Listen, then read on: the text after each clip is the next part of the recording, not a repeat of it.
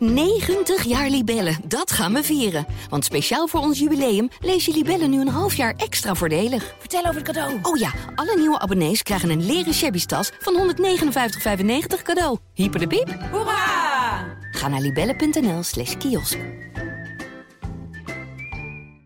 Hallo, mijn naam is Gijs Groenteman. Ik zit niet in de archiefkast op de redactie van de Volkskrant. Daar heb ik het interview waar we nu naar gaan luisteren trouwens wel opgenomen. In die archiefkast, waar ik nu niet in zit. Ik zit nu in een geluidsstudio. Maar ik zat in die archiefkast, een week of twee geleden, met een van de bekendste, beste, eh, meest diverse in haar stijlen eh, zangeressen van Nederland. Die vrouw waagt zich werk aan elk genre en ze treedt overal op. Eh, en ze heeft nu een prachtige plaat gemaakt, vind ik, met liedjes van Henny Vrienden. De een betreurde Henny Vrienden, hij overleed dit jaar. En hij maakte zijn drie laatste soloplaten zijn een soort autobiografische eenheid. En eh, de vrouw met wie ik ga spreken heeft een plaat gemaakt met een keuze van haar van die liedjes, die oorspronkelijk dus door Henny zijn gezongen en uitgevoerd, maar nu door haar weer een heel ander jasje en andere glans hebben gekregen. Dit is een project wat begon eh, al lang voor Henny's dood. Eh, hij was er ook bij betrokken, maar toen werd hij ziek en overleed hij. En het project is even goed afgemaakt, samen met het residentieorkest en onder de bezielende leiding van Xander Vrienden, muzikant, basgitarist, zoon van Henny Vrienden. En hij heeft samen met mijn gast deze plaat eh, gemaakt. Het is een hele mooie plaat geworden. We gaan naar liedjes luisteren. Binnenkort gaan ze er samen mee op tour. Dat wordt ook iets fantastisch. Maar we krijgen nu alvast een sneak preview.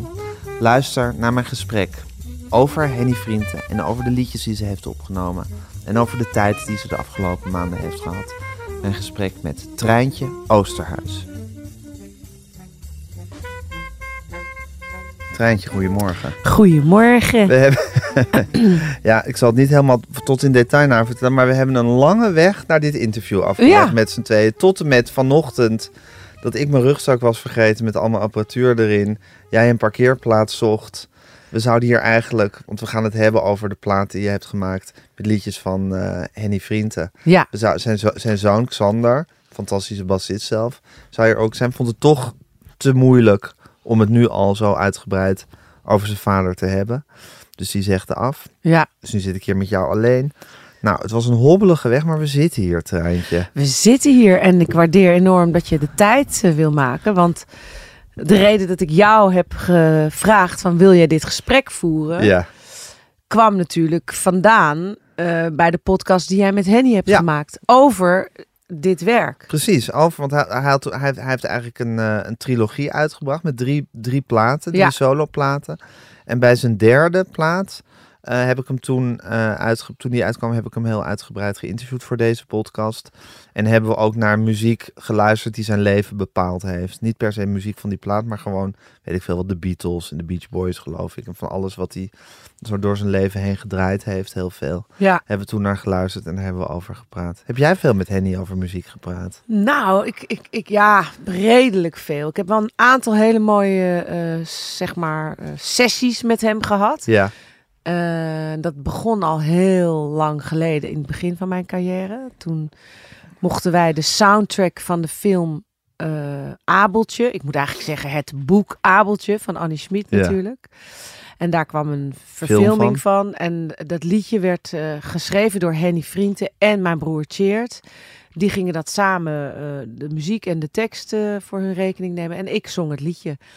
En ik weet nog dat ik dat echt heel leuk vond. Hoe Henny in de studio eh, ontzettend positief en ook aanmoedigend naar ons. Want wij waren toen gewoon net begonnen. Weet je, daar heb ik het echt wel over. Nou, wat zal het zijn geweest? 97 of ja zo. ergens in de jaren negentig. En eh, ik vond hem altijd een hele eh, veilige gast, weet je wel. Je had heel veel mensen in de industrie die dan, eh, waarvan je dacht, kan ik die vertrouwen of willen die wat van mij nu wij opeens eh, het snoepje van de week zijn. We waren toen met Total Touch net doorgebroken.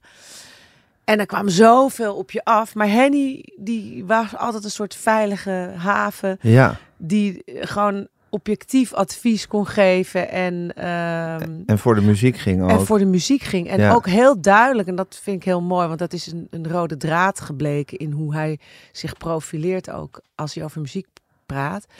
is dat hij ook heel duidelijk zijn smaak durft uit te spreken. Mhm. En daarmee het kaf van het koren onderscheidt. Van als je keuzes maakt, dan sluit je dingen uit. En dan, dat geeft rust. Want dan heb je ergens een duidelijke richting. En dan ga je die kant op. Dat vond ik ook altijd wel fijn en verfrissend. Want daar was hij heel eh, helder in dat hij zo werkte. Dat hij gewoon heel duidelijk was in wat hij wilde en wat hij niet wilde. Of... Ja, hij had gewoon een heel uitgesproken smaak. En die smaak was weer gebaseerd op ervaringen die hij had opgedaan. Ik denk dat een smaak ook iets is wat je ontwikkelt door de jaren heen. Mhm. Het kan een intuïtief iets zijn, hè, wat gewoon je emotioneert of raakt, waardoor je een smaak ontwikkelt. Maar een smaak is ook iets wat zich echt wel uitontwikkelt naarmate je eh, eh, fouten maakt. Als, als je in een studio zit en je neemt iets op en je denkt, nou, dit klinkt helemaal niet zoals ik het wil.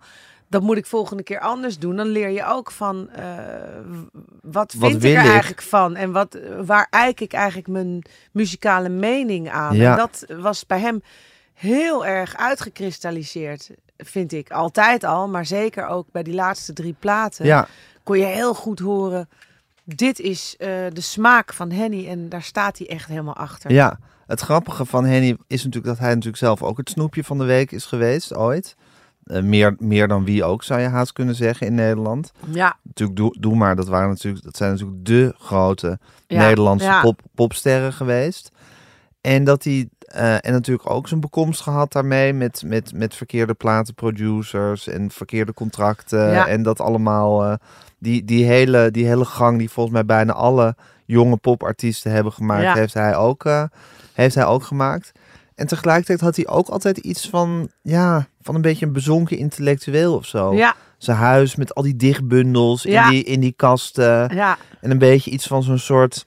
Ja, een beetje zo'n sloffende man was hij ook een beetje. Die kamer met al die basgitaren en gitaren daarin. ja. Eh, nou, en zichzelf steeds voeden, weet je, met, met, met rijke informatie. Dus of het nou ging om wat je zegt, heel belezen, mooi veel eh, poëzie. Maar ook gewoon altijd je, je, je, je geest verruimen met, eh, met informatie waar je wat van kan leren op elk niveau. En Ja, dat, ja. dat vond ik ook altijd wel heel duidelijk. dus je had ook nooit het gevoel dat het een soort hermetisch iemand was die alleen maar zond, maar ook gewoon zich wilde eh, eh, voeden met anderen. Ja, ik vind echt dat Henny tot het laatst aan toe eh, heel nieuwsgierig ook altijd was. En nog op onderzoek ging van wat er nu nog allemaal uitkwam. En nou kon hij ook heel duidelijk wel zeggen, dat vond hij niks of dat wel. Of, eh, maar dat, eh, ja, hij was wel altijd work in progress. Ja, Hij, altijd op zoek.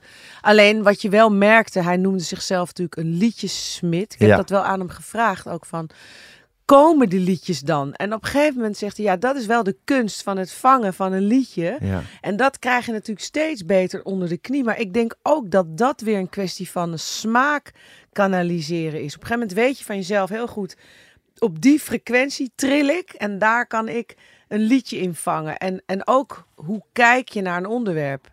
Dus als je eh, de, de invalshoek van de tekst eh, die hij eh, schrijft ja. benoemt, dan is het een super grappige combinatie van heel reëel, heel erg hier en nu, eh, niet zweverig of eh, gezwollen of eh, kleinkunstachtig, of, maar wel romantisch.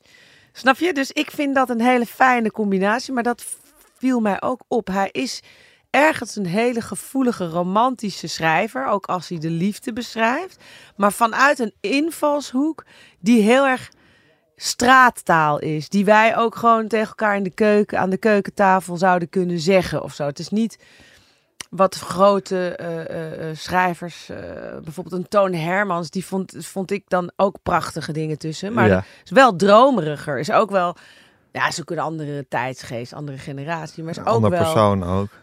Ja. tuurlijk. Maar als je de, de, de, de woordstijl eh, vergelijkt, dan Ja. is dat wel dromeriger of zo. Ik Ja. vind Henny kon altijd heel aards, reëel schrijven. Hey, en die plaat die je nu gemaakt hebt, hè? Ja. Eh, samen met, met Xander dus, zijn zoon. Ehm, hoe, wan- wanneer is die, is die pas na Henny zijn dood ontstaan, dat idee? Of is dat al daarvoor eh, geboren? Nee, het is eigenlijk echt ver daarvoor geboren. Hoe is dat gegaan? Nou, het begint eigenlijk bij uh, de klik die ik met Henny had. Dus ik heb al best wel vaak met hem uh, dingen uitgewisseld. Uh, Sesamstraat liedjes ingezongen of weer eens een koortje hier en daar. Nou, zo ging dat. En op een gegeven moment had hij die platen uit, die laatste drie platen. En die stuurde die uh, rond. En ik zei, jezus Henny, wat prachtig werk. Ik weet ook nog dat ik nog ver voordat we dit idee hadden... die plaat zo prachtig vond dat ik, geloof ik, een 80 keer heb besteld bij Universal en als, aan vrienden als kerstcadeau gaf. Want ik gaf mensen altijd mijn lievelingsplaat van het jaar. Echt kocht waar? ik dan 100 keer bij het label op en dan stuurde ik dat als kerstkaart. En Henny's album is een van die uh, kerstkaart cadeaus ja. geweest. En zo mooi vond ik het. Ik vond de kleinheid en de verfijndheid. Ik vond een beetje Nederlandstalige Paul McCartney gevoel. Mm -hmm. Nou, maar goed, dus en toen uh, had ik hem dat verteld. Het vond hij ook echt heel grappig dat ik dat gedaan had. En uh, dus toen kwam er weer een nieuwe uit. En toen zei hij, nou, het Rijntje, mijn plaat is weer uit. Ik ben benieuwd wat je ervan vindt.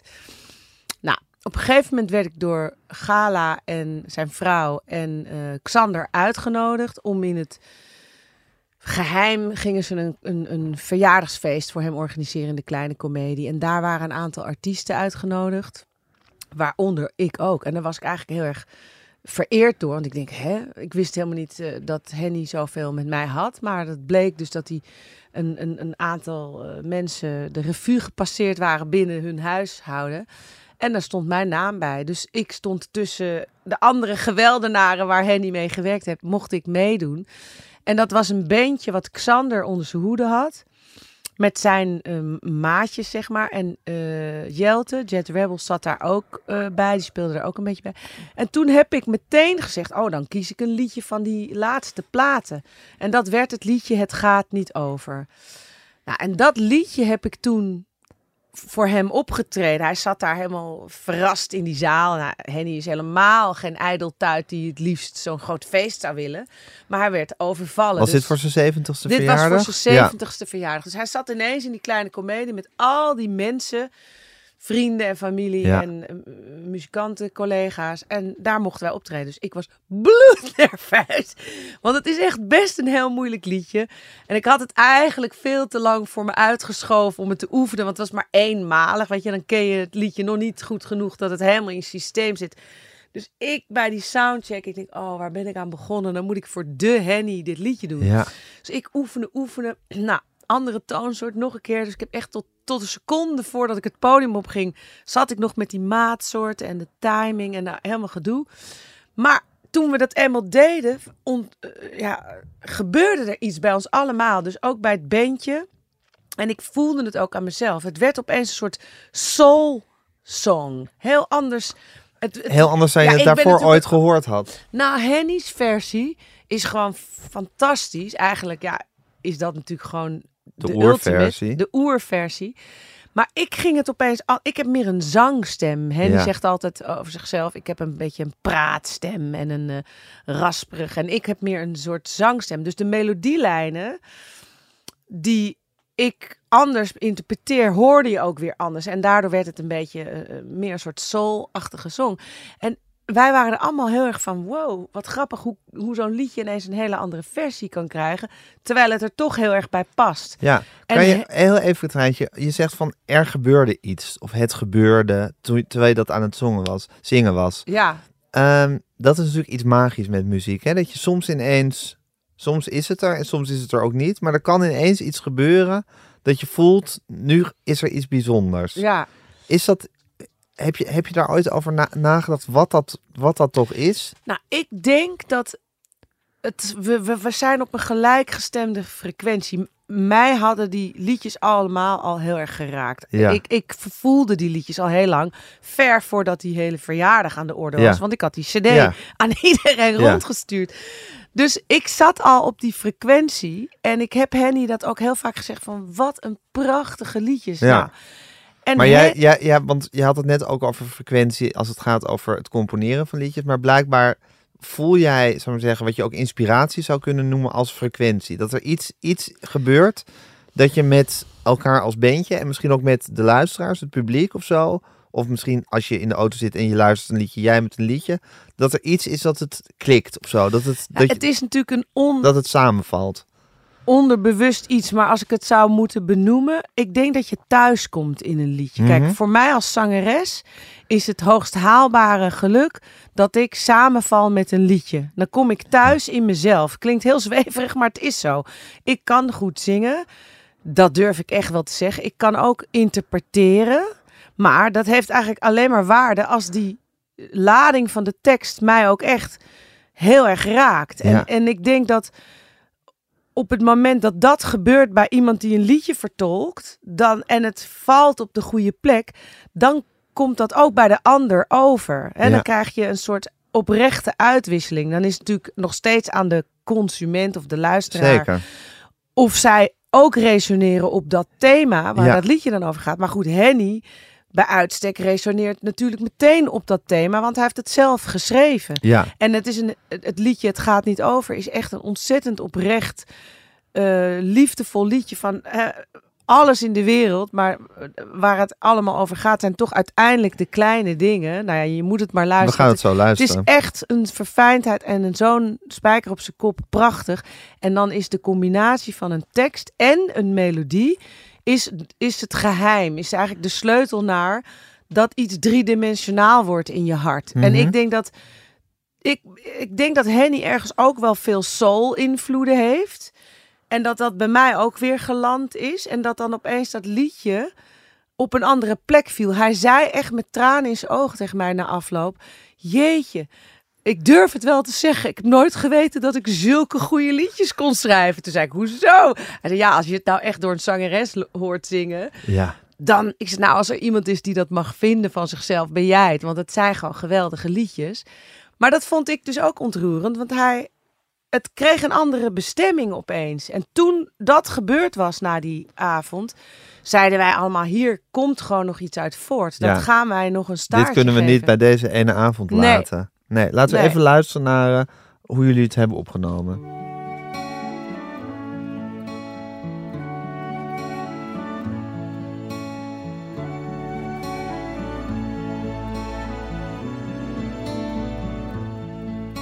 Het gaat niet over cijfers.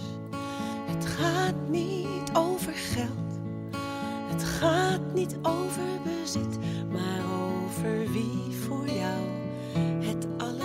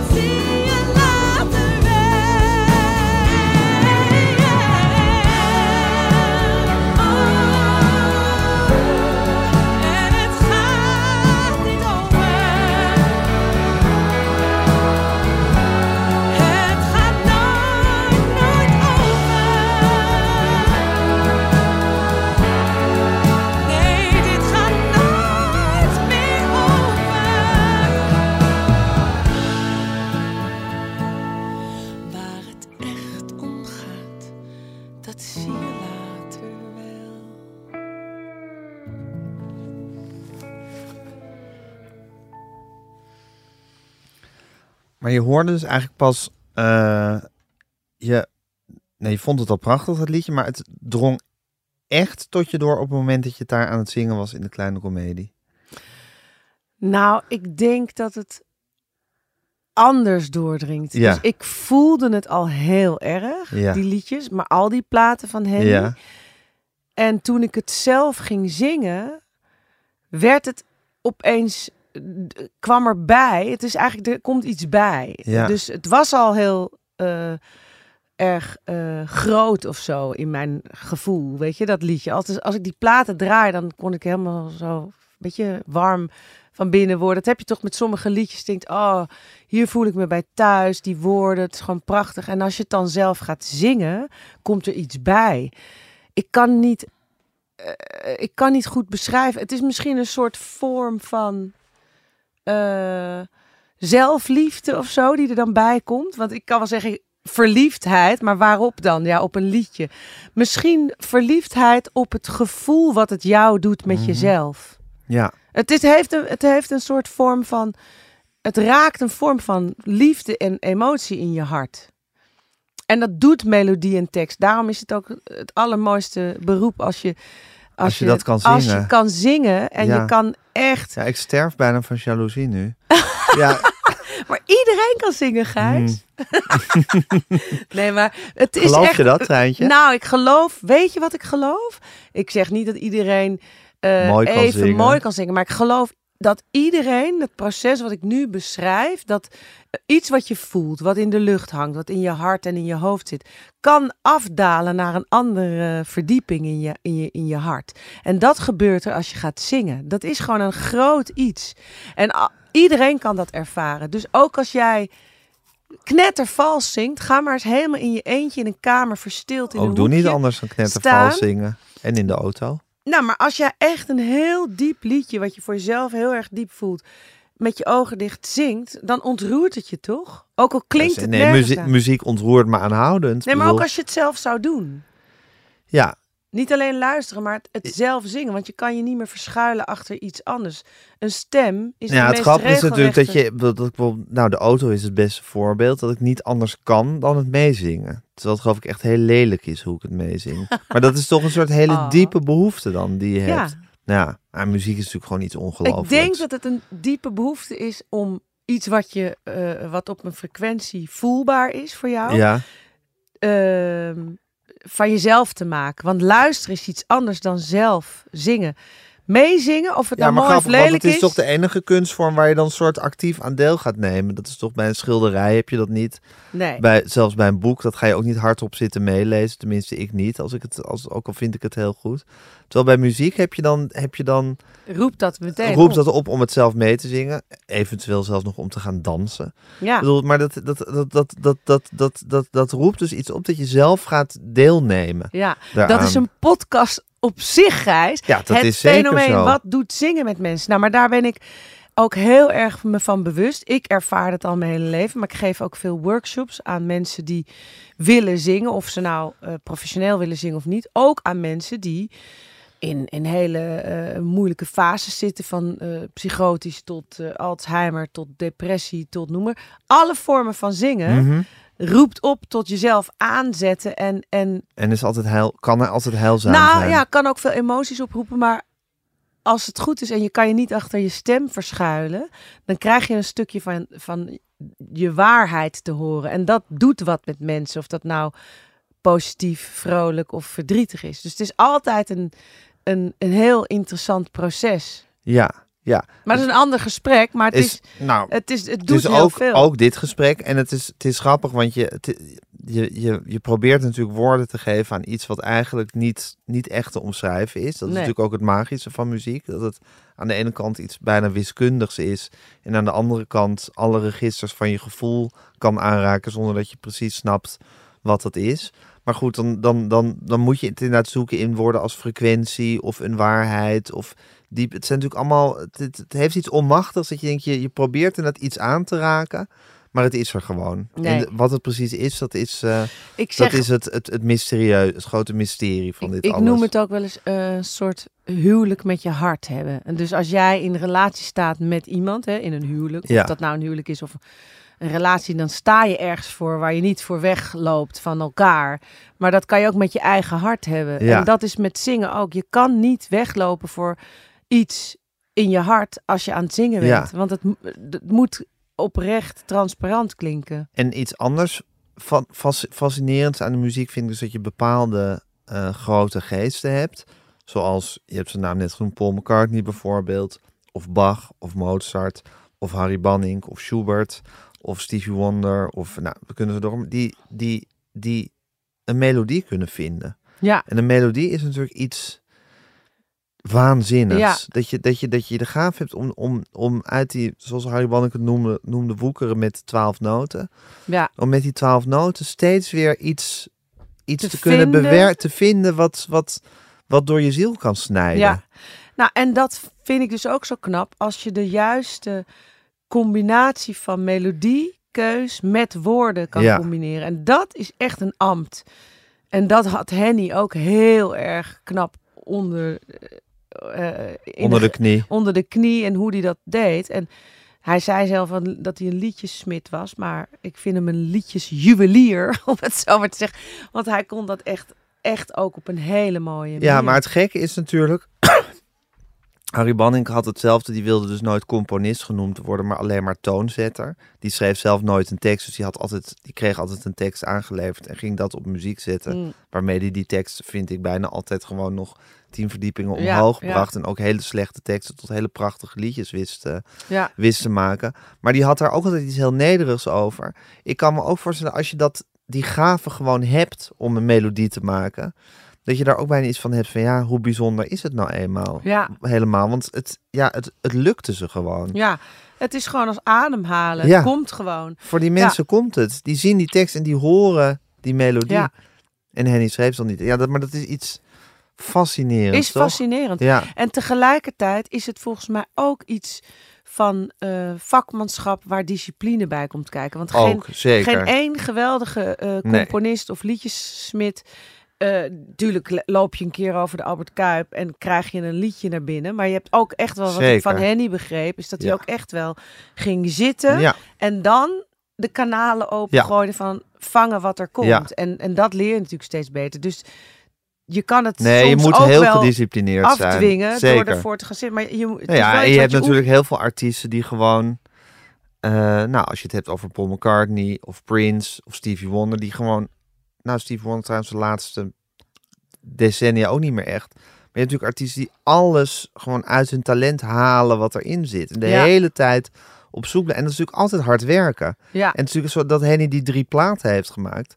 Dan moet je toch weer de confrontatie met jezelf aangaan. En ja, het geploeter en het geworstel en het eruit trekken. ja. Het gaat natuurlijk nooit vanzelf. Nou, en wat En je natuurlijk hebt ook... mensen als D'Angelo, die gewoon dat enorme talent hebben en heel af en toe een plaat eruit En heel af en toe. Ja, Maar ik denk ook, omdat het zo persoonlijk vaak is, mhm.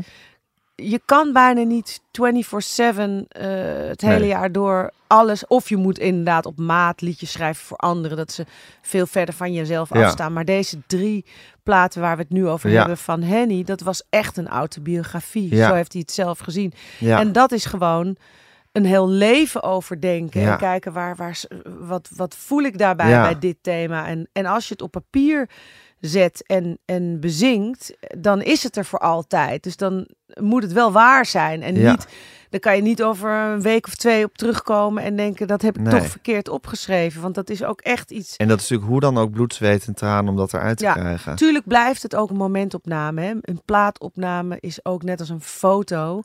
Eh, Je Ja. mag heus vijf jaar na dato denken, zo denk ik er nu helemaal niet meer over. Maar op het moment dat je het ei legt en het, en het af is, Moet het jouw ei zijn. ja, dus dat kost heel veel. En, eh, en Treintje, als het dan energie. zijn autobiografie was, die drie platen, en je, en je uit die drie platen dus eh, een keuze ging dat is ook best wel een verantwoordelijkheid die je dan hebt natuurlijk. Ik bedoel, het is niet zomaar, zomaar covermateriaal waar je dan een beetje mee aan Nee. de haal gaat. Nou, dat vond ik ook best wel spannend, want ik wil dat ook wel eh, ja, uitleggen. Want het is niet zo dat ik denk, nou, ik ga eens even lekker eh, de autobiografie van Henny lopen bezingen. Weet je wel, zo is het niet gegaan. Dus op, we waren bij die verjaardag, Ja. hè, toen Henny 70 werd. Toen zei Henny na afloop, echt geroerd, jemig, wat, wat, wat mooi eh, gelukt. En wat ben ik eigenlijk ook trots op mezelf als componist nu ik het zo hoor. Toen, dus we maakten elkaar een wederzijds diep compliment waar we iets mee moesten. En hij zei, ik kom binnenkort bij jou langs. Ik ga een liedje voor je maken. Je krijgt van mij eh, een, een liedje als cadeau en bedankje. Ja. Toen kwam je dus echt serieus, nou, drie, vier weken later op de fiets. We woonden niet ver van elkaar in de binnenstad. Kwam hij echt met zijn gitaartje op de fiets een liedje brengen en laten horen. Nou, dat vond ik natuurlijk fantastisch. En toen, maar ik kon het niet meteen onthouden en hij had ook geen opnames gemaakt of zo. Dus ik zei Henny en mijn dochtertje moest naar bed. Ja. Dus ik zei, eh, waanzinnig. Ik was echt zwaar van onder de indruk dat hij dat helemaal, ook zo leuk dat hij dat zo had gedaan. Toen zei ik, maar laat mij dan over een paar weken weer bij jou terugkomen. Dan gaan, gaan we het oefenen en dan neem ik het op mijn apparaatje op. Ja. En dan, eh, nou, dus zo gezegd, zo gedaan. Ik daar een paar weken later weer naar hem toe, bij hem in de studio, eh, waar, waar al die eh, enorme hoeveelheden gitaren en dichtbundels eh, Ja. staan. En toen zong hij het liedje voor. En die heb ik dus op mijn dictafoon opgenomen, die opname. Ja. En waar hij mij echt letterlijk het liedje uitlegt. En dat vond ik een van de mooiste momenten met hem. Want hij was daar heel ehm, bescheiden. Hij zei ook van ja, als je dat niet mooi vindt, dan haal je dat er maar uit. Zong je een partijtje voor, wat dan eventueel eh, een hobo kon zijn. Of een, eh, nou, melodietjes, wat eh, Ja. qua orchestratie. En dan was hij altijd, als je dat niet mooi vindt, kan je er allemaal uithalen. Terwijl het was geniaal wat hij dan bedacht had. En dan zong hij zo neuriënd voor hoe het was. En de tekst erbij had hij uitgeschreven. En het was zo prachtig. Ik moest alleen even met de capo erop om mijn toonsoort te vinden. En hij voedt mij dat liedje en ik probeer het eh, uit mijn hoofd te leren ter plekke. En ik neem dat op. En toen weet ik nog dat ik zei: Jezus, wat is dit waanzinnig. Ja, hier kan ik wel een heel album van vol zingen. Ik zeg: Daar gaan wij nog een keer wat mee doen. Toen was ik net bezig met die plaat met Jelte, met Jet Rebel. Toen ik zei tegen Henny: Zou dit wat zijn voor die plaat? Want ik was toen een Nederlandstalig album aan het maken. Toen hebben we dat even eh, onderzocht en dat liedje een paar keer nog gedraaid voor onszelf op die dictafoonopname. Toen kwamen we er eigenlijk alle twee achter. Dit moet niet op die plaat die Jelte produceert, want het is gewoon een heel andere richting. Mhm. Eh, met Jelte wa- was ik een soort van Nederlandstalig soul-album aan het maken met heel veel eh, instrumentatie. En dit was zo'n verfijnd klein liedje. Dus Ja. ik zei, Henny, ik vind het zo'n eer dat jij dit voor me hebt gemaakt. Maar we gaan dit parkeren. Dit gaan we niet gebruiken. Mhm. Dus toen heb ik het laten liggen. En toen zijn we doorgegaan met een ander liedje. En dat is het liedje Maël geworden, waar Henny aan mee heeft geschreven. Dat is een liedje voor mijn dochter. Eh, wat Alvin, mijn man en ik eh, hebben gemaakt. En He- Henny heeft de tekst zoveel als het kan afgemaakt. Dus dat is toen waar we mee verder zijn gegaan. Dat andere liedje, dat pareltje, is blijven liggen. En toen ja, ging, ging ik met die plaat met Jelte uit, kregen we het hartstikke druk. Is er zo weer twee, drie jaar verder. En dat liedje is altijd blijven liggen. En toen we dus met dit project begonnen, toen zei ik, maar dit moet hierbij. Het is natuurlijk eigenlijk het drieluik van Henny's autobiografie. Ja. Daar hebben we de beste liedjes uitgekozen. Maar dit liedje is er eentje die erbij is gekomen, omdat die Dat die voor jou was. voor mij was, Ja. maar past perfect in diezelfde. Welke is dat? Melk en honing heet het. Ja. En het past perfect in diezelfde eh, sfeer waarin hij die laatste drie albums ehm, Maakte. maakte. Ja. En Melk en Honing eh, hebben we ook heel klein opgenomen. Om het een beetje in dezelfde sfeer te houden. Heb je nog die dictafoonopname op je telefoon of niet? Die heb ik nog wel, ja. Heb je hem hierbij of niet? Ja, moet ik even gaan zoeken. Ik kan wel even zoeken. Moet Zoek ik... even. Ja, Weet je, en luister hem ondertussen naar de eind, eindversie van, of de, de plaatsversie van Melk en Honing. ja. En dan zoek je even op, op je telefoon. Misschien kun je dan nog heel even een stukje Henny luisteren die het aan je uitlegt. ja.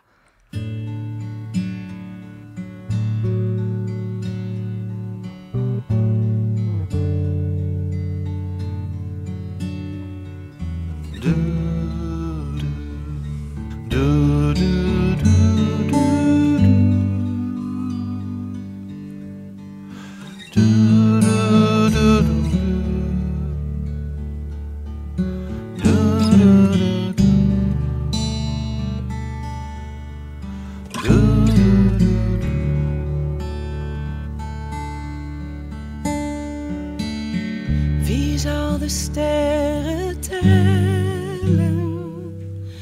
Wie lijst de stilte in? Wie zorgt voor melk en honing? Wie staat nooit in de wind? Wie zal mijn voeten warmen? Wie geeft zich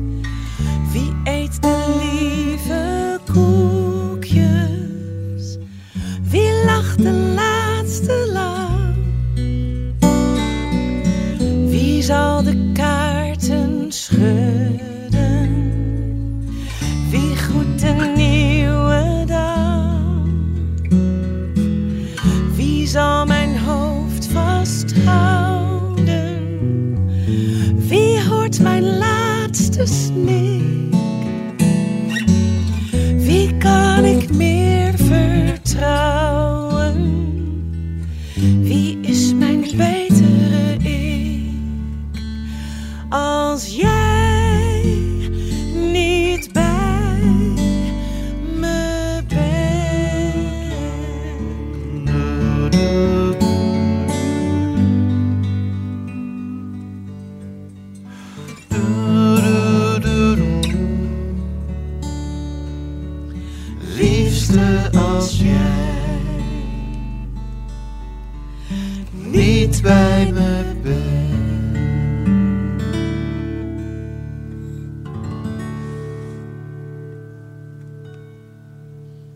Opzomming, hè?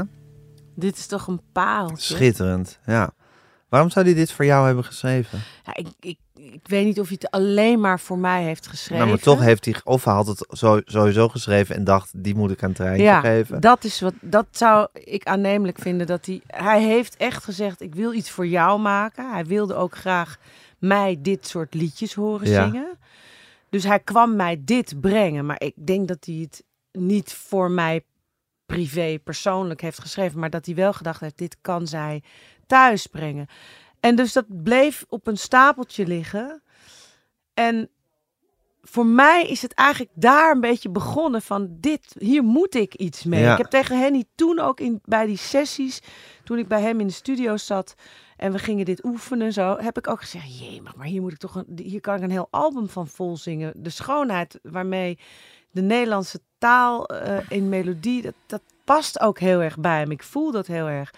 En toen glom hij een beetje van, van bescheiden eh, gevleidheid van, nou, als je dat ooit zou doen, ja, dat zou ik wel fantastisch vinden. En toen begon er bij mij iets te groeien van, oké, ehm, als jij dat ook herkent als, wow, ik heb zo'n enorm repertoire geschreven, maar dat kan natuurlijk ook nog eens een andere verdieping eh, raken door iemand anders gezongen. Ik denk niet dat Henny dat bij iedereen zou voelen, maar hij voelde dat bij mij wel. Dan moeten we daar misschien wat mee doen. Daar is de kiem van dit project echt begonnen. En dat is echt, nou, ruim drieënhalf jaar Ja. geleden. Heb je nog een fragmentje kunnen vinden van dat, van dat hij het jou voorspeelde? Ja, het is, dit is dus uit een sessie eh, uit 2018. Ja. Dat ik bij hem thuis was in de studio. Oh, dus niet die eerste keer dat, dat hij... Is dat de eerste keer dat je dat opgenomen hebt met je Ja. dictafoontje? Ja. Ja, dit is met mijn dictafoontje. Dus toen had eh, hij was bij mij op de fiets Ja. geweest en een week of twee Precies. later ging, ging, je naar, terug. ging je naar zijn eh, huis en hier hoor je, hoor je hem dus mij dit liedje uitleggen. Ja. Je hoort mij er ook af en toe helemaal fout doorheen zingen, omdat ik het nog niet ken natuurlijk. Ja. Even kijken of ik het. eh,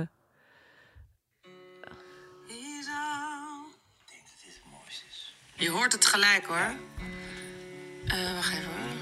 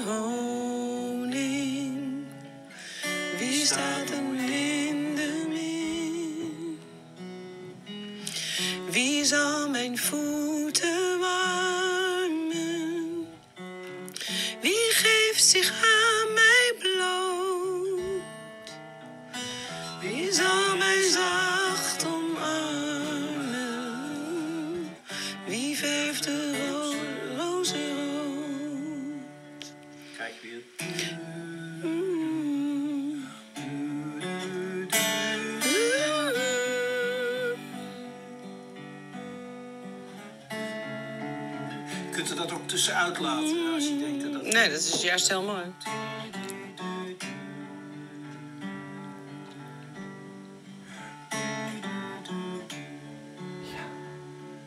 Dit is toch schitterend treintje. Ja.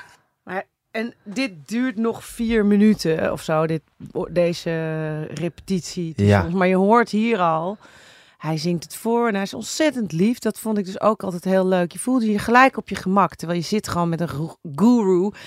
Een soort van componeerworkshop krijg je, of een repetitie van... eh, eh, dat is gewoon fantastisch. Dan is hij heel bescheiden en heel duidelijk van wat hij wil en niet en hoe hij het uitlegt. En wat ik ook altijd mooi vond, hij zei ook altijd: jij moet ermee doen wat jij voelt. Mhm. Voel je niet bezwaard als je het zelf anders wil. Wat ik heel genereus vind, want je kan natuurlijk ook zeggen: nou, als jij dit gaat doen, dan wil ik wel dat je het zus en zo doet. Maar hij was daar heel genereus in. Maar wat ik prachtig vind aan dit, dit is typisch een Henny liedje en ook de neurie van zijn stem. Zo zong hij altijd alles Ja. voor. En dat is ook eh, Wat, ik, wat mij heel erg ontroert, is dat Xander eh, dit ook herkent als het geluid van zijn jeugd. Hè. Zijn vader en alle kinderen van Henny herkennen daar exact Henny in. Want die zat altijd met zijn gitaartje op de Tuurlijk. keukentafel te neurien. En zo... eh, en we hebben ook gedacht, we gaan dit heel klein houden. Alleen precies zoals Henny het mij voorspeelde met gitaar. En Ja. dan Bas, Xander die die neurie doet. Sander doet in de neurie en. Xander speelt er dan nog bas onder. Ja. Maar en het is, het is echt een, een, een, een ongelooflijk pareltje geworden. En dat is eigenlijk het laatste liedje wat we toevoegden aan dit album. Maar in mijn hart is het het kiemmoment van dat ik Henny Vrienden ben gaan zingen. Ja, ja. Ja. Eh, nadat je inderdaad in die kleine komedie was geweest en hij zo genereus was om jou dit liedje te, te geven. Ja, En dat je ook daadwerkelijk te komen overhandigen bij jou thuis. Ja. Wat natuurlijk ook best wel een gebaar is. ja. Hè, dat iemand bij je thuis komt om zo'n liedje te geven. Ja, wat is het toch magisch, hè? ja, ik vond het echt ontroerend. En eh, tuurlijk, hij was heel dankbaar dat wij er allemaal op zijn verjaardag wilden komen. Maar daar had hij niks voor hoeven terugdoen. En dat heeft hij in de vorm van dit liedje gedaan. En eh, ja, goed. En toen ontstond dit, dit gesprek tussen mij en hem. Toen is hij dus daarna nog met mij dat liedje voor mijn dochter gaan schrijven. Ja, Wat dus ook op die plaat van Ja. mij is gekomen. En Xander, die speelde toen al een tijdje bij mij in de band. Wat ik ook heel leuk vond aan Henny was... toen veranderden onze eh, werkgesprekken ook in af en toe... eh, want ik v- had vaak gesprek met hem over muziek en liedjes schrijven Mhm. en dingen. En af en toe kreeg ik ook wel eens een appje van hem. eh, hoe gaat het met Xan? Is het leuk met hem in de band? Ik ben zo trots. Of dan kwam hij naar het Vondelpark als wij daar moesten Ja. optreden. Zo. Dus dat was ook de vader die gewoon fucking trots op zijn zoon was. ja. En dat vond ik ook een hele leuke kant. En daar was hij ook heel openhartig over. Zei hij, ja, ik ben misschien een beetje klef. Maar ja, ik ben gewoon, toch doet het me veel als ik mijn kind eh, dat zo zie. Dat vond ik ook heel leuk om te, om om te, zien. Ja. Ja. En ehm, eh, Henny had dus, vond het waarschijnlijk leuk. Henny beschouwde zichzelf dus niet als een groot zanger. Dus vond het waarschijnlijk ook gewoon leuk dat zijn liedjes door jou werden gezo- gezongen. Omdat hij jou een echte zangeres vond. En dat Ja. ben je natuurlijk ook. Dus dan krijgt het toch weer een, an- een ander soort gevoel, krijgen ze, die liedjes. Ja, het grappige is dat ik vind Henny een geweldig groot zanger. En juist omdat hij misschien het moest doen met wat hij had. Hè, Hij noemt het zelf. Hij beschikte niet over eh, de tig octaven en de hard, hoog, laag, zacht. Hij moest het gewoon doen met een kleiner Ja, eh, eh, palet. Maar daardoor werd hij inventief en ging het ook heel doeltreffende keuzes maken. En elke keer als ik zijn liedjes zing of uitpluis, of in het proces van dit album, ging ik terug naar de versies van Henny. Omdat juist als je beschikt over een mogelijkheid die ik heb van sky is the op, limit, ja. bij wijze van spreken, raak je ook soms de kern kwijt. kwijt. En dan ging, dacht ik, ja, tuurlijk kan ik dat doen, maar hij heeft het ooit zo bedoeld. Dus ik moest, ging terug weer als een renpaard op stal. En dat is grappig, want ik wil niet vergelijking maken met Burt Bacharach, want dat is natuurlijk een heel ander soort componist, maar toch zie ik gelijkenis. Eigenlijk is het een soort van motorkap waaronder diamanten zitten, maar je laat ze niet de hele tijd zien. Dus Nee. de melodielijn is leidend. Daar hou je je aan, die zing je zo mooi mogelijk. Ook al weet je dat je beschikt over de meest gecompliceerde uithalen en noem het maar op. Die kan je heus af en toe wel een keer doen. Er zijn ook wel een paar liedjes op dit album waarin ik dat helemaal mocht eh, kapot zingen, zeg Ja. maar. Onder goedkeuring van Xander ook. ja. Maar er waren er ook heel veel waarvan we dachten: nee, we gaan weer terug naar de blueprint van Henny. En die zo mooi mogelijk houden. Want dat is juist het geniale aan hem als zanger met eh, ja, de, de, de minder eh, eh, octaafmogelijkheden. Mhm. Waardoor het er eigenlijk beter van werd. ja. Dus dat vond ik een. he- Ik vind Henny daarom eigenlijk een geweldige zanger. Daar kan ik dus wat. Ik heb eigenlijk van zijn zangvakmanschap heel veel geleerd ja, in dit proces. maar dat zit hem ook in de beperking juist. En wat je daarmee doet. in de noodkeuzes. Dus Ja. toch ook weer die componist-zanger. Ja, je hebt mensen die zingen alleen. Ja. En je hebt mensen die zijn componist en zanger. En daar en hoe wist je hoe die plaat moest gaan klinken? Nou ja, dat is ook echt in overleg met Henny gegaan. Want om nog even voor de chronologie van dit proces. Ja. Dat begon dus bij eh, die verjaardag van Henny. Toen kregen we dat liedje. Dat liedje heeft een paar jaar op de plank gelegen. En toen kreeg ik een aanbieding om een heel mooi project te doen met het Residentieorkest. Die zeiden tegen mij, Trein, wil je niet een mooi thema eh, kiezen waar wij een mooi album mee kunnen maken? En toen dacht ik, nou, ik ga dat met Henny Vrientes eh, doen. Henny Vrientenliedjes. Dat heb ik bij Henny neergelegd. Van wat zou je ervan vinden? Het residentieorkest echt een geweldig orkest. Wij kunnen zelf de rhythmsectie, dat betekent de bandleden, de bas, drums, Ja. gitaren, toetsen inbrengen. Heb je, heb je de rest van het orkest tot je beschikking. Hoe zou je het vinden als we jouw werk gaan doen? En dat vond hij echt een top idee. Want hij zei ook, ja, ik heb toen ik in de studio zat gedacht aan alle muzikanten die ik tot mijn beschikking had. Maar als ik nu een heel orkest tot mijn beschikking zou hebben, zou ik bepaalde dingen heel anders Mhm. horen. Dus hij voelde daar wel voor. Hij heeft ook ideeën gehad over de arrangeurs en hoe dat dan zou moeten ga- gaan klinken. Dus hij, hij stond daar eigenlijk heel erg positief in. En toen hebben we uiteindelijk gezegd: oké, dan gaan we dit eh, bij het residentieorkest neerleggen. En die waren daar meteen ook enthousiast over. Dus dat hebben we samen besloten. We gaan het doen.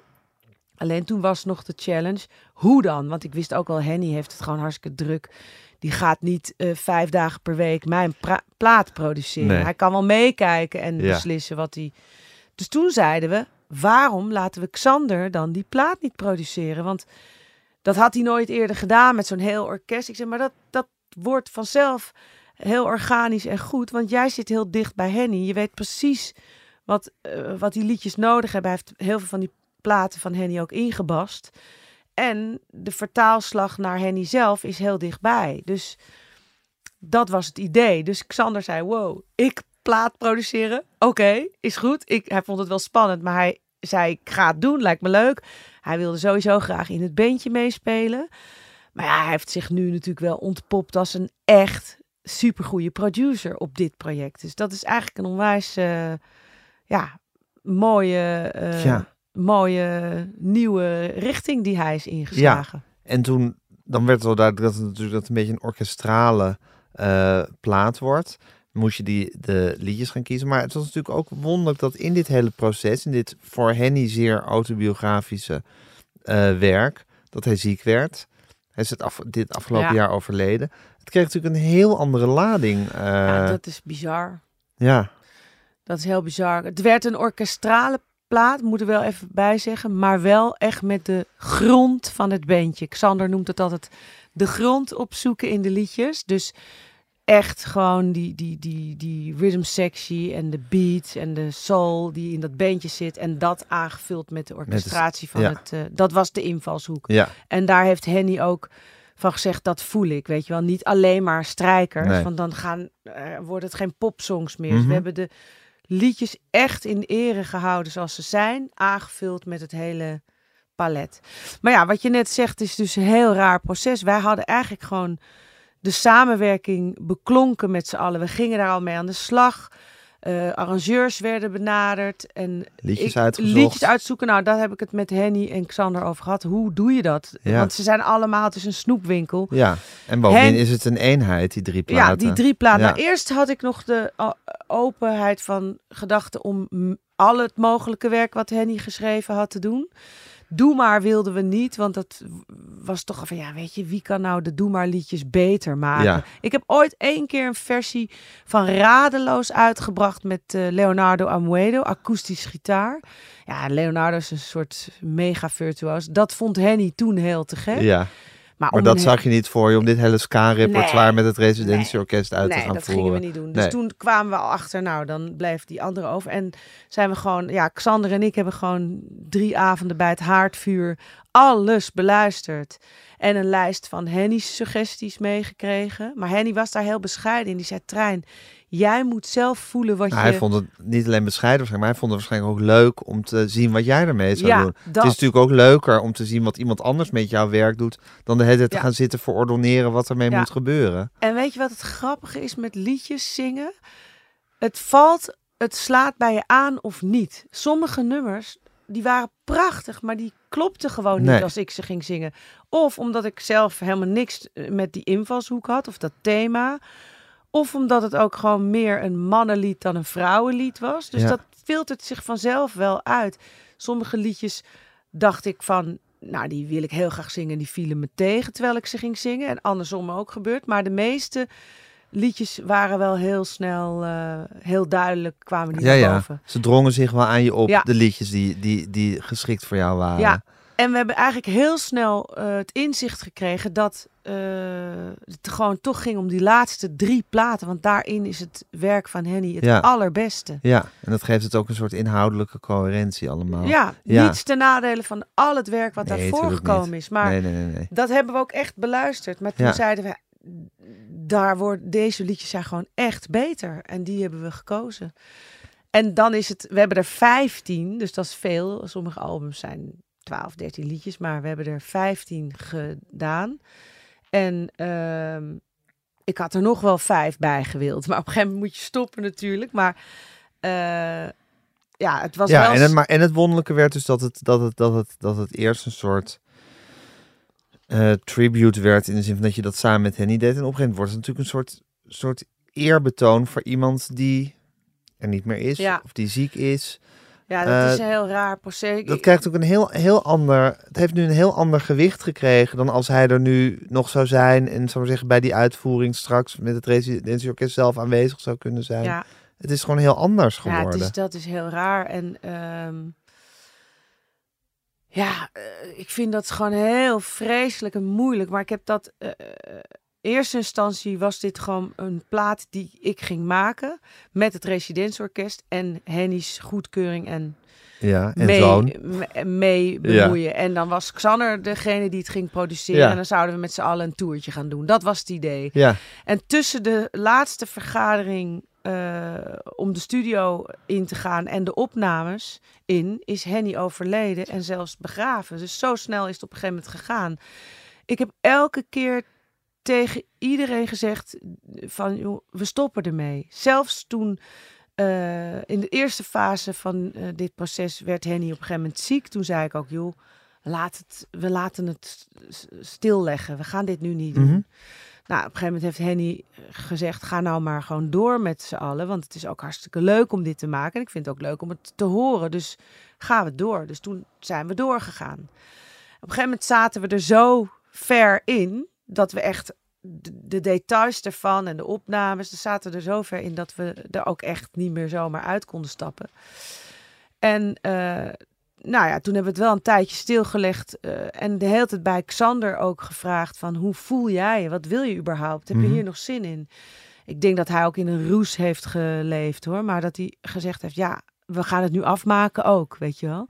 Een soort van, ik zit, er, ik zit er nu in, ik wil het nu ook afmaken. En dat heeft hij op een manier gedaan die onvoorstelbaar is. Het, het is echt een, sowieso wisten we al dat hij een mega talentvolle gast was. Maar hij heeft ook echt, ik denk ook een soort vuur en vlam gestaan om dit eh, ehm, thuis te brengen. Weet je, zoals Henny het had bedoeld. Dus we, we hebben die plaat gewoon heel erg gemaakt in ons achterhoofd, wetende hoe hij erop zou hebben kunnen reageren. En Xander weet dat als geen ander. ja, maar die liedjes gingen natuurlijk iets heel anders betekenen ook op een gekke manier. Kan ik me voorstellen. Ja. Of die krijgen een ander gewicht of zo. Ja. Dat, dat, dat, dat verandert natuurlijk je, Nee, dat is je heel, perspectief eh, helemaal. Ja, dat Ja. klopt. Dat verandert het perspectief totaal. En Ja. dat moet vooral voor Xander en de familie heel heftig zijn geweest. En voor, Voor maar mij- voor jou ook. voor om mij ze te ook. zingen. Het, het werd een, er kwam een hele andere lading bij. Omdat het is gewoon heel, heel... Ja, weet je, ik voelde me soms ook bijna dat ik dacht, moet ik dit wel doen? Want ik wil helemaal niet een plaat uitbrengen van eh, iemand die net is overleden. Alsof ik dan meteen een album... Ja. Maar dit was al een Ja, project waar we middenin zitten. Dus ik moest mezelf ook steeds zeggen... Nee, we gaan hiermee door en het is oké. ja. Het, is ook, het is ook schitterend natuurlijk. Het is schitterend en ik hoop ook dat alle mensen die dit gaan luisteren zich realiseren dat dit niet. wij, z- het zou nooit in onze stijl zijn geweest om eh, gelijk na iemands overlijden zo'n plaat te gaan maken. Nee. Waarom zou je dat gaan doen? Dat, de, maar we zaten er middenin en toen hebben we het zo liefdevol mogelijk afgemaakt. En ik vind echt hoe Xander dat gedaan heeft ontzettend knap. Ik moet ook bij zeggen dat zijn broer Polle heeft natuurlijk prachtige mondharmonica solo's en koortjes ingezongen. Meke, het zusje, heeft ingezongen. En ehm, Melle, de jongste, die heeft gitaarsolo gespeeld op namen en plaatsen. Dus het is ook heel erg mooi dat eh, vind ik van Xander ook zo tof dat hij de rest van de familie er daar Bij waar mogelijk getrokken. bij heeft getrokken. En zijn, zijn beste vrienden in het beentje. Dus ik denk dat het voor hem ook een proces is geweest van met mijn beste vrienden iets heel moois maken. En weet je, als je je vader verliest, ik heb dat nog niet meegemaakt. Dat is iets voor de rest van je leven. Dat is niet eh, iets wat opeens stopt. Dus als je eraan moet gaan geloven, dat te gaan verwerken, dat is zo groot. Ik denk dat dit proces er een heel klein onderdeel in is. Ja. Zullen we even naar de naam en de plaats Ja. luisteren? namen.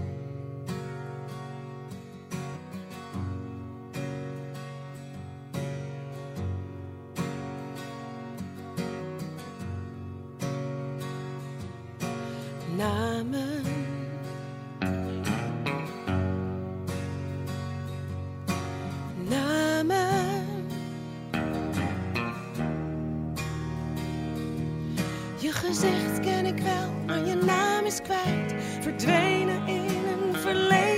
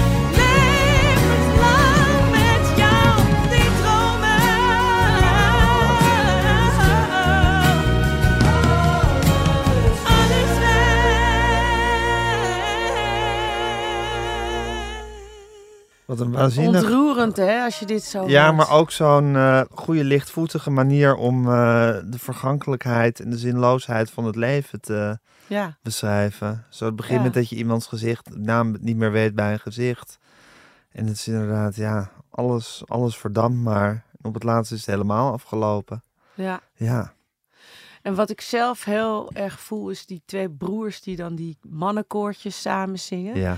Het, het is maar bijna, het is zeldzaam om, om mannenkoortjes, nou ja, goed, er zijn er heel veel, om die in deze combinatie met een vrouw die daar bovenuit loopt te tetteren, ja. om dat goed voor elkaar te krijgen, dat dat in balans goed klopt. Maar die twee broers, die zijn gewoon een soort, eh, ja, totaal doordrenkt met Henny's vibe natuurlijk. Ja. Dus ook hoe, He- je hoort Henny erin door. ja, je hoort ook het stemgeluid. Die, die, die, die melodielijn en de tegenligging van het, van het arrangement. Dat kunnen zij als geen ander natuurlijk doen. Het is ook te gek dat eh Polle gaat ook mee op tour met eh, Xander. Dus ik, ik denk dat dat echt heel bijzonder wordt om dat live ook te gaan eh, spelen. Dus Ja. dat zij dat gaan zingen. Ja, en het, aan de ene kant ook, eh, ik zing, hoor mezelf dan zingen levenslang met jou. Ja, dat is wel wat, wat eh, die muziek blijft levenslang. Hè? Aan Mhm. de ene kant is alles weg en aan de andere Ja. kant is het iets blijft. levenslangs. Waar we, wat we nu ook toch allemaal hardop hebben uitgezongen naar elkaar toe. Dat is ook wel echt bijzonder natuurlijk. En je Ja. begon tijdens het liedje begon je je toilet te maken. Dus ging je even wat een geurtje op je polsen Ja, doen? omdat ik... Wat, is, hoe, wat, wat gebeurt er dan in je hoofd dat je denkt... Oh, oké, ik, ik, moet, ik weet me gewoon niet zo goed de houding te geven. als je naar jezelf moet luisteren. Ja, nou weet je wat ik soms denk? Van wauw, eh, eh, dat je dan even een soort reflectie... eh, dan wil ik een beetje wegduiken of zo. Ja, ik denk, snap ik ook. Ja, maar ja. ik vind het grappig dat je dat dan deed door... Ja, even, Even je toilettasje te pakken en even, even je, je vrouwendingetjes te gaan doen. Gênant. Nee, helemaal Sorry. niet gênant. Nee, helemaal niet gênant. Dat is toch gewoon hoe het leven is. Ja, Ja. Ja, wat een liedje hè, dit. Dit is Ja. zo. Weet je, deze heb ik Jelte horen doen op die verjaardag van Henny. Oh ja? Toen dacht ik ook, wat een geweldig liedje is dit. Ja. Mijn oudste zoon zingt dit ook altijd keihard mee in de keuken als hij aan het koken is. En ik vind dit ook echt, echt een oudste een- zoon die staat te koken. Ja, Jezus. nou dat doet hij niet zo vaak. Maar ik heb hem een paar keer... Oké. En dan zet hij heel vaak liedjes op en dan gaat hij, hij draait ook hele andere muziek. Hoor. Ja. Maar dit is er één van die hij ook echt als een van zijn lekkere meeschalliedjes heeft eh, Ja.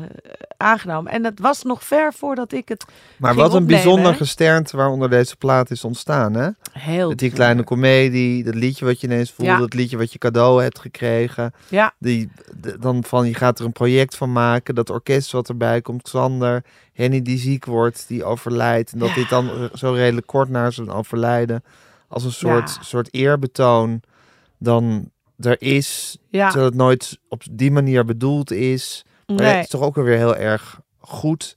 Al die liedjes die zo autobiografisch voor hem zijn. ja. Ja, het is nogal wat alles Het bij is elkaar. heel wat. En ik snap ook helemaal, want daar begon je het gesprek ook mee, dat Xander zou eigenlijk hier aan tafel Ja. zitten. Want hij kan als geen ander praten over dat hele opnameproces en hoe hij eh, het orkest geregisseerd heeft en laat meesmelten met het bandje en hoe die als een leeuw eh, eh, die liedjes heeft bewaakt zodat het popsongs bleven, hè, omdat hij wist hoe Henny het in zijn hoofd had. Ja. En tegelijkertijd ook hoe ergens die liedjes hem hebben eh, aan de hand hebben genomen. Het was alsof Henny er eigenlijk altijd nog een beetje bij ja, was. tuurlijk is dat zo. En eh, eh, Xander aan het handje mee. Want Ja. hij heeft voor het eerst van zijn leven zo'n grote plaat geproduceerd. Met zoveel verantwoordelijkheden. Terwijl Ja. hij in een soort rollercoaster Ja. zat emotioneel. Dan hebben wij elkaar natuurlijk elke dag tien keer gebeld. En als vrienden gesteund. En altijd de lijn van onze vriendschap Mhm. Eerst in het vaandel en daarna eh, dat die plaat af moest. Maar ik heb echt het gevoel gehad dat Henny Xander een beetje de weg heeft gewezen doordat die liedjes door hem geschreven zijn. En Xander heeft Henny thuis weten brengen door die liedjes zo Ja. ontzettend mooi eh, op de goede plek neer te leggen qua productie. En, en ik voel mezelf eigenlijk eh, ehm, ja, een, Een soort van de instrumenten in een dit van de instrumenten. Ja. Zo, dat zeg jij heel goed. Ik wil niet zeggen, ik doe er niet toe. Ik ben totaal Nee. eh, ondergeschikt. Maar ik, het project heeft eh, alles op zijn plek gelegd. En ik mocht daar de, de stem van zijn. Ja, en zo het. is het. En al die andere elementen zijn eigenlijk heel veel belangrijker en groot vertegenwoordigd. En in die volgorde hebben we het ook gedaan. Wanneer gaan jullie het uit? Wanneer, wat, hoe gaan jullie hiermee optreden? Nou, het album is nu klaar. Het gaat eind eh, januari komt hij uit. 27 januari staan we in Amare in Den Haag met het Residentieorkest. Daar vindt het zijn, zijn plek als eerste, want Mhm. zij zijn natuurlijk mede eh, ja, founder van het project. Ja. En daarna gaan we naar het Concertgebouw, de 31ste. En dan gaan we daarna een theatertour doen. Ja. Met het kleine bandje. Dus we doen twee grote concerten met het hele met het orkest. orkest, en, dan en met de het- band. en dan het kleine beentje. En daarna het kleine bandje. En het kleine bandje is echt alle matties van Xander. Dat is één warm bad. En Polle, zijn grote broer.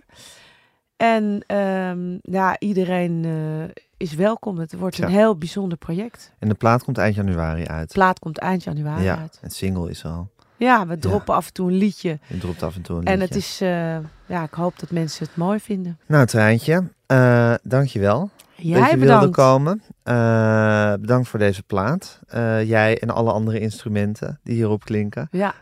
Met welk liedje zullen we eindigen? Oh, weet je welke ik zou willen? Nou. Even leven. Even leven, die is heel mooi. Ja, dat kan ik Grappig nog... dat je zei, want sommige is een man. Dit is duidelijk een liedje vanuit een heteroseksuele man geschreven. Maar je hebt, het niet, je hebt Ja. niet de keuze gemaakt om, het, om de zij te veranderen in Nee. een hij. Nou, dit Even leven is een van de redenen waarom ik Henny Vrienden wilde zingen. Ja. Omdat ik dus de invalshoek en de schoonheid waarmee hij de liefde beschrijft, daar sluit ik naadluis op aan. Dat is zo, zo, hij schrijft het voor zijn vrouw, die ook gewoon af en toe even haar eigen gang moet gaan. Want ze Ja. wil even leven zonder mij.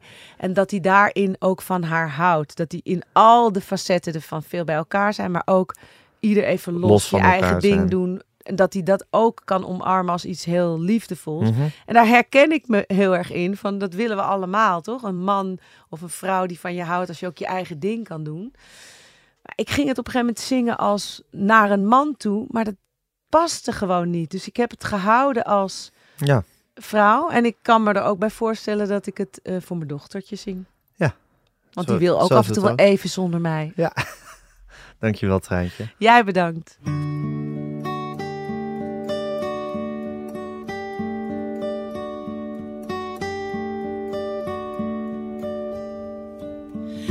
Ik weet hoe laat het is. Als zij haar ogen aanzet, haar hoge laarzen aantrekt. Ze is op oorlogspad. Ze kijkt dwars door me heen en denkt de deur al open. Hoor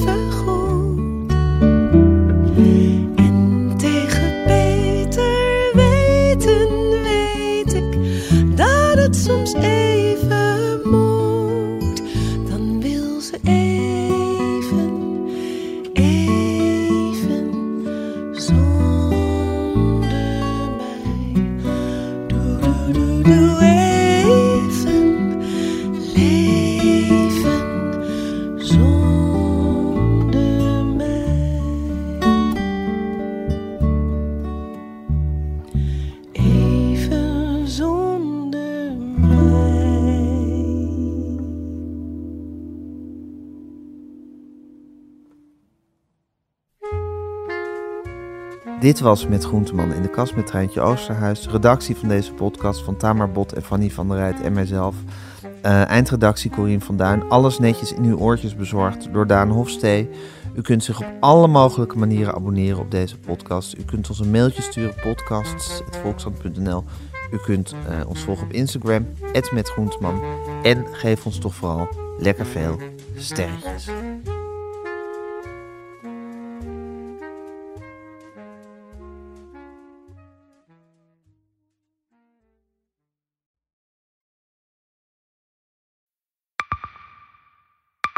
Zijn leven is overhoop gegooid.